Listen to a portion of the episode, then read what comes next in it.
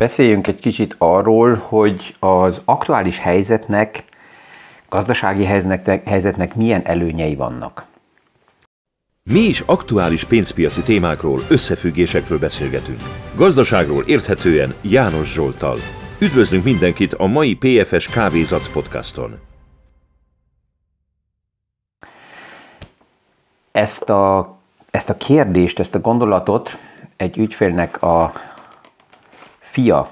dobta fel nekem, és én rákérdeztem, hogy honnan jön az ötlet, miért, miért közelítsük az egészet pont ebből a kérdésből meg. És azt mondta, hogy az iskolában, a gimnáziumban van, ők valamelyik tantárgyban pont erről elkezdtek vitatkozni, hogy az aktuális gazdasági helyzetnek milyen előnyei vannak. És a végén, a beszélgetésből kérdeztem őt is, hogy, hogy hogy látja, mi volt a konklúzió, hova kerültek, és azt mondták, hogy, azt mondta, hogy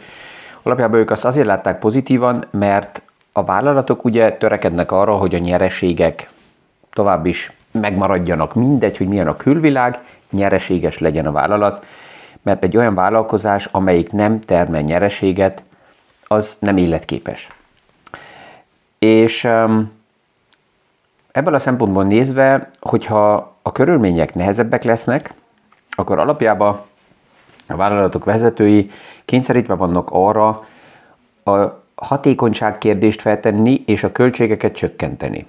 De most költségeken lehet csökkenteni egyik oldalról azon keresztül, hogy például munkatársakat leépítenek. Ez rossz a munkatársaknak, de egy vállalat szemszögéből egy vezető nem építene le olyan munkahelyeket, olyan munkatársakat, akik létfontosak a vállalatnak. Tehát akkor is, hogyha leépítenek valakit, akkor is abból lehet kiindulni, hogy olyan embert építenek le, aki nem annyira fontos, nem annyira szükséges, és a vállalatnak ezen keresztül az életképessége nincsen veszélyeztetve. A másik oldal pedig investálnak technológiába, és megnézik, hogy hol vannak hatékonysági lehetőségek, hogy lehet az effektivitást növelni, hogy ezen keresztül a költségek csökkenjenek. És mondtam neki, hogy nagyon tetszik a, a gondolat, már az, hogy ők erről beszélgetnek, a témát szóba hozzák, minden esetre be fogom építeni a mai podcastba, és lehet, hogy az a gondolat, amit ezzel elindítottak, és amelyik irányba tovább fogok menni, az is segít még nekik pluszba a témát elmélyíteni. De hát persze, mielőtt a mai podcastba belemegyek, egy, egy figyelmeztető is, hogy ez nem egy jóslási uh, podcast. Tehát az egyik oldalról nem is próbálom meg, és nem is értek azzal egyet. Valamikor volt egy podcast sorozatunk, amelyikben azt is kijelentettem, hogy véleményem szerint a világnak nincsen szüksége jósokra és gúrukra, mert abban a pillanatban, amikor valamit valaki kimond és jósol, már akkor ez abban a pillanatban egy fogadás vagy nonsens, mert nem is tudjuk, hogy mi fog hónap-hónap után történni. És ezt azért is mondom ki, mert kaptam olyan visszajelzést, hogy hát nincs halvány fogalmam, nincs, hogy mi fog történni, és egyszer ezt beszélem meg, és egyszer azt beszélem meg, és itt össze-vissza csapongok a témák között. Összefoglalva azt kell mondjam, hogy gratulálok annak, aki ezt így visszajelezte, stimmt. Halván fogalmam nincs, hogy mi lesz hónap. És különböző szemszögekből nézve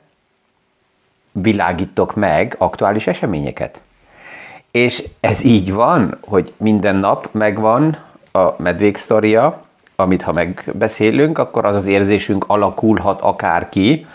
hogy ez a tuti, és ez fog történni de hát az egy szemszög. És megvan minden nap a bikák uh, sztoria, amit hogyha végig gondolunk, akkor az az érzésünk, hogy az most a tuti, és ez fog történni. De ez megint csak egy szemszög. És ebből az, így nézve tovább is a podcast pont azt, azt szolgálja az én szemszögemből, hogy különböző szemszögből megvilágítjuk az aktuális uh, gazdasági eseményeket, háttérinformációkat, nézzünk meg, hogy aki ezzel foglalkozik, ez meghallgatja, az um, immunabb legyen média oldalról jövő információk ellen fake newsokat jobban fel tudjon ismerni, ha valamit azután hall, akkor tudja, hogy ezt egyáltalán hova tegye, hova helyezze el, mert erről mi itt beszélgettünk, és ez biztos, hogy nem tanácsadás. Tanácsadás csak kizárólag személyesen, egyenként az ügyféllel, és individuálisan történik. És az, aki azt reméli, hogy itt a podcasttal le tudja rövidíteni az útat, és itt van valami, amit azután magának megold, Hát itt vissza kell térjek a disclaimerre, hogy ez teljesen tisztán és tudatosan semmilyen formában nem tanácsadás, aki ebből valamit magának levezet. Ez az egyedi döntése, a tanácsadás az mindig egy szakemberrel, és én, az én tanácsadásom is direkt csak az én ügyfeleimmel történik meg, és nem itt kirakat témával. De térjünk vissza az előnyökhöz. Tehát valójában a piacoknak az az aktuális helyzete, ami benne vannak, az előnyös is tud lenni, és főleg, hogyha befektetés oldaláról nézzük, hogy ez a, az aktuális millió mire jó, az egyik oldalról arra, hogy valójában a medvepiac az idegileg nagyon-nagyon kemény tud lenni, és főleg nem a tiszta medvepiac, mert ugye a tisztán emelkedő piac, vagy a tisztán csökkenő piac, az kvázi egyszerű, ott vannak trendek, amiket le lehet követni és egy páran ezt, ezt csinálják is, a trendkövető modellek. Amikor trendek fordulnak, amikor piaci átállások vannak, az a, az, az idegölő, mert még nem tiszta, hogy hova megyünk tovább, milyen irányba fordulunk, vár, vagy még nem. És a pessimizmus, ami pillanatnyilag benne van a piacban, az kezdi elérni azt a szintet, ami szükséges, hogy, hogy azt úgy mondhatjuk, hogy elérjük a, a padlót. Ugye az elmúlt három évtizednek az az előnye, hogy ilyen piaci helyzeteket, hullámokat egy párszor már végig élhettem, és amikor egyre többen kezdik bedobni a törőközőt, amikor egyre többen azt mondják, hogy pú, ebből elegem van, én teljesen ki vagyok készülve, uh, uh, kiégtem, akkor kerülünk oda, hogy megvan a rezignáció szint, ami szükséges, ami szükséges a következő generáció fejlődéséhez, tanulásához is, hogy igenis, megtanulni azt, hogy eljön az időpont, amikor érdemes beadni az, a derekat, és sokkal több alázattal megközelíteni a jövőbe mindent, lelassulni. És ez a pessimizmus, ez jó, mert e, ebbe a millióbe születnek meg bikapiacok. Aki arra vár, hogy eljöjjön az ideális, perfekt hangulat, környezet, hogy ő akkor elkezdjen befektetni, az nagy valószínűséggel a bika piacnak az indulásáról lemarad. És azt hiszem, hogy tegnap beszélgettünk erről, hogy pont abban a fázisban, mikor elindul a medvepiacból egy fordulás, az első fázis, általában az első hat hónap, vagy nem is, a tegnap volt, ezt, ezt csak több gondolatba felírtam, ez a mai napra van előkészítve, hogy a, az első fázis, amikor a piac fordul, az első hat hónap, az um, a legerősebb emelkedést jelenti uh, a bika piac kezdetébe. És Sir Temperton, az egyik legsikeresebb vagyonkezelő alapítója, őt lehet néha idézni hasonlóan, mint más top befektetőket is, mindig azt mondta, hogy a pessimizmusba születik meg a bika piac, amikor a tömeg el se tudja képzelni, hogy ez valamikor újra jóra fordul, hanem éppen a tömeg benne van a rezignációba. Azután a szkepszisbe növi ki magát a bikapiac, vagy növekszik fel, megérlődik, beérik az optimizmusba, és belehal a hype-ba, abba a hangulatba, amikor tutinak perfektnek tűnik a piac, mindenki befektetit szeretne, ugye a, a híres taxisofőr indexem, amikor valahova megérkezek, és a taxisofőr mielőtt meghallaná, vagy meg, meg el tudnám mondani neki, hogy hova vigyen, azt mondja, hogy pst, mert éppen a gazdasági, híre, gazdasági híreket hallja, mert éppen taxizás közben, vagy taxizás mellett tradingelni kezdett, és benne van valami tuti sztoriba, az a hype, hogy pillanatilag ott nem vagyunk, ez teljesen tisztán érezhető, és az a, az, a, az a hangulat, az a körvilág, ami most van, ez ebből a szempontból jó. Tehát a pszichológiai szentiment, a hangulata a piacnak, az tényleg nagyon pessimista. Bank of America újra és újra felméri a, az arányokat a bikák és a medvék között. A bikák, akik pozitívan látják a piacot, a jövőképet rövid időre, és a medvék, akik inkább pessimistán.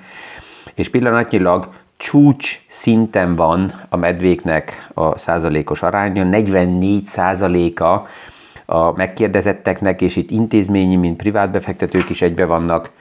A 44 százalék medve, és 23 százalék bika hozzáállású a piachoz, a jövőképhez, mi van a többi százalékkal, ők nem tudják eldönteni, ők, ők valahol nullánál, vagy vélemény nélkül lavíroznak. Egy másik pozitív jel, ami az aktuális helyzetben azt jelzi, hogy a piac nem a, az összeomlásra készül fel, az egy olyan index, ami például az amerikai piacba az úgynevezett US Heavy Tracks Sales Index, tehát azt mutatja, hogy mennyi, milyen darabszámmal vannak eladva a nagy gépek, buldozerek, um, um, olyan, olyan gépek, amelyek ugye a nehéziparban szükségesek, az infrastruktúra építésébe, és itt ezek a számok elkezdtek növekedni körülbelül négy hónapja. Tehát, hogyha ebbe investál valaki, akkor nem egy, egy autót, egy Skodát vagy egy Trabantot vesz meg, hanem ott, ott eléggé mélyen a zsebébe kell nyúljon, és, és ezek az investíciók csak akkor történnek meg, hogyha megfelelő pozitív a kilátás, még emelkedő kamatok mellett is. Egy következő pozitív pont, ami pillanatnyilag a piacokban található, hogyha függöny alá nézünk, az úgynevezett PMI, tehát a bevásárló menedzserek indexe, és ez egy előindikátor, mert ugye a bevásárló menedzserek az a jövőre nézve döntik el, hogy akkor most hogy vásárolnak be a raktárokat, mennyire töltik fel, milyen lépések vannak, kivárnak, investálnak, vagy leépítik a, a raktár struktúráját, és ez az index megfordult. 2022-ben nagyon mély szinten volt, de azóta 2022. augusztus-szeptemberre óta növekszik. Ami azt jelenti, hogy mint előindikátor innen inkább az látható, hogy a tőkepiac, a tőzsde a fordulóba van és emelkedési esélyek előtt áll. Egy másik pont, ami arra vezet vissza, hogy alapjában a részvények a legjobb ökonómiai, gazdasági um, lázmérők, mert azok az iparágak, amelyek lényegesek az életbe, azok, hogy, azok az elsők, amelyek stabilizációba mennek, medvepiacba is, és amikor ezek stabilizálódnak, akkor a, a levegő azt lehet mondani, hogy teljesen kiment az iparágakból, és ha megnézzük az energiaszektort, az alapnyersanyagokat, az élelmiszer iparágat, még akár már a repülő társaságok is hozzatartoznak ehhez a témához.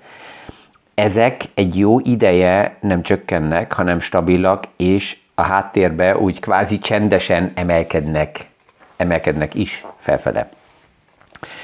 A kötvényeknél az látható, hogy persze, hogy a kötvényeknél a kamat emelkedés az oda vezetett, hogy a kötvények 2022-ben, főleg a hosszú távú kötvények nagyon erősen árfolyamba összeomlottak, és amikor ilyen erős reakció van, akkor a kötvényekre is rászáll a spekulatív tőke, és a spekulatív tőke azzal, a, arra fogad, hogy a kötvényeknél valami fog változni, és ez a nagyon erős összeomlás az újra emelkedik, mert például a kamatok csökkenni fognak. És ha ezt megnézzük, hogy rövid időre mennyi tőke van pillanatnyilag a kötvényekre pozícionálva, akkor ez egy nagyon alacsony szint. Tehát pillanatnyilag a tőke nem fogad arra, hogy a kötvények oldalán valami nagy fog változni a kamatoknál, olyan alacsony ez a fogadási szint, mint 2007 óta nem láttunk. Általában azt is lehet látni, hogy a magasabb kamatok azok nem főtétlen problémák a részvényeknek. Erről beszéltünk az elmúlt napokban is, hogyha visszamegyünk az elmúlt évtizedekbe, akkor azt látjuk, hogy olyan évekbe, amikor a kamatok magasabb szintekre emelkedtek a részvényeknek, a szubstanciálisan egészséges vállalatoknak a részvényei nem csak az osztalék miatt, hanem alapjába a kereslet miatt is sokkal erősebben növekedni tudtak, mint a kamatok. Tehát ez is egy olyan téma, ami aktuálisan elég pozitív, és vannak olyan technikai jelek is a piacba. Erről beszéltünk az utolsó podcastokban, hogy a piac túl kevés kockázati felárat kalkulál pillanatnyilag bele, tehát kiárazza aktuálisan a, a, a piac a kockázatot, tehát azt jelzi a piac, hogy a recesszió az már lejárt. A recesszió mögöttünk van, és az a recesszió, ami tavaly volt, ami érintette karcot a nullánál, az volt a mély szint, és a piac pillanatnyilag oda pozícionálja magát, főleg a részvényeknél és a technikai jeleknél is, hogy um, a recesszió már megvolt. Az aktuális szint, az főleg a Standard Poor's Indexnél persze, hogy nagyon érzékeny, mert az a szint, ahol pillanatnyilag az index van, az a szint, um, azon találkozik az úgynevezett 50 napos átlagérték, találkozik az átlag értéke a 100 napos árfolyamoknak, és ugyanúgy a 200 napos átlag is. És pillanatnyilag a Standard Poor's Index egy picit visszaereszkedett, és ezt az átlagpontokat metszi fentről lefele. Na, azok, akik már hosszabb ideje hallgatnak podcastokat, azok hallották már azt is, hogy ezek a technikai jelek, ilyen 50 napos átlag meccése, 100 napos átlag meccése, 200 napos átlag ecése, meccése, ezek technikai jelek. És ezek azért érdekesek, mert ezeket a technikai jeleket robotrendszerekbe, robotkereskedő rendszerekbe beállítják, és hogyha tudjuk, hogy milyen jelek vannak beállítva, akkor ilyen technikai jeleknél hullámok indulnak el, vagy vételi hullámok, vagy eladási hullámok. Egy pár héttel ezelőtt voltunk egy úgynevezett Golden Cross, tehát ilyen um, aranyozott kereszteződésnél, ahol um, egyszerre összejöttek pont ilyen jelek, hogy 50 napos és 100 napos átlagokat metszett az index lentről felfele, ez azt jelenti, hogy egy úgynevezett fellendülési momentumban van a piac, és akkor elindulnak vételi hullámok. Ezt nem emberek döntik el, hanem a beprogramozott rendszerek um, állnak erre rá, főleg azok, amelyek a trendeket követik, és azoknak van ugye egy ilyen kijelentések, hogy the trend is your friend. Tehát ha elindul egy trend, egy lendület, akkor azt ők próbálják követni, és ezt felfele ugyanúgy, mint lefele. És ezért vannak ezek a technikai jelek, ez felfele vételt tud elindítani, de ugyanakkor lefele is, hogyha elérkezünk egy határhoz, akkor itt nem intellektuálisan van megvitatva, hogy azon a szinten akkor most jó vagy rossz eladni, hanem ezek a technikai rendszerek reagálnak, és el tudnak indítani akár további eladási hullámokat, mert mind a dominók egymás után akár ezeket ki tudják váltani. Tehát ezért érzékeny a piac, és persze, hogy megvan tovább is a bizonytalanság, a hónapi nap, nagyon, tehát a hónapi nap, most én felveszem ugye a podcastot, ez azt jelenti, hogy ez hónap lesz, de aki meghallgatja, az a mai nap, tehát péntek, abból a szempontból lényeges lesz, mert um, az amerikai központi bank ma fogja megkapni azokat a számokat, amire nagyon figyel, hogy mi is történik a munkaerőpiacba, és hát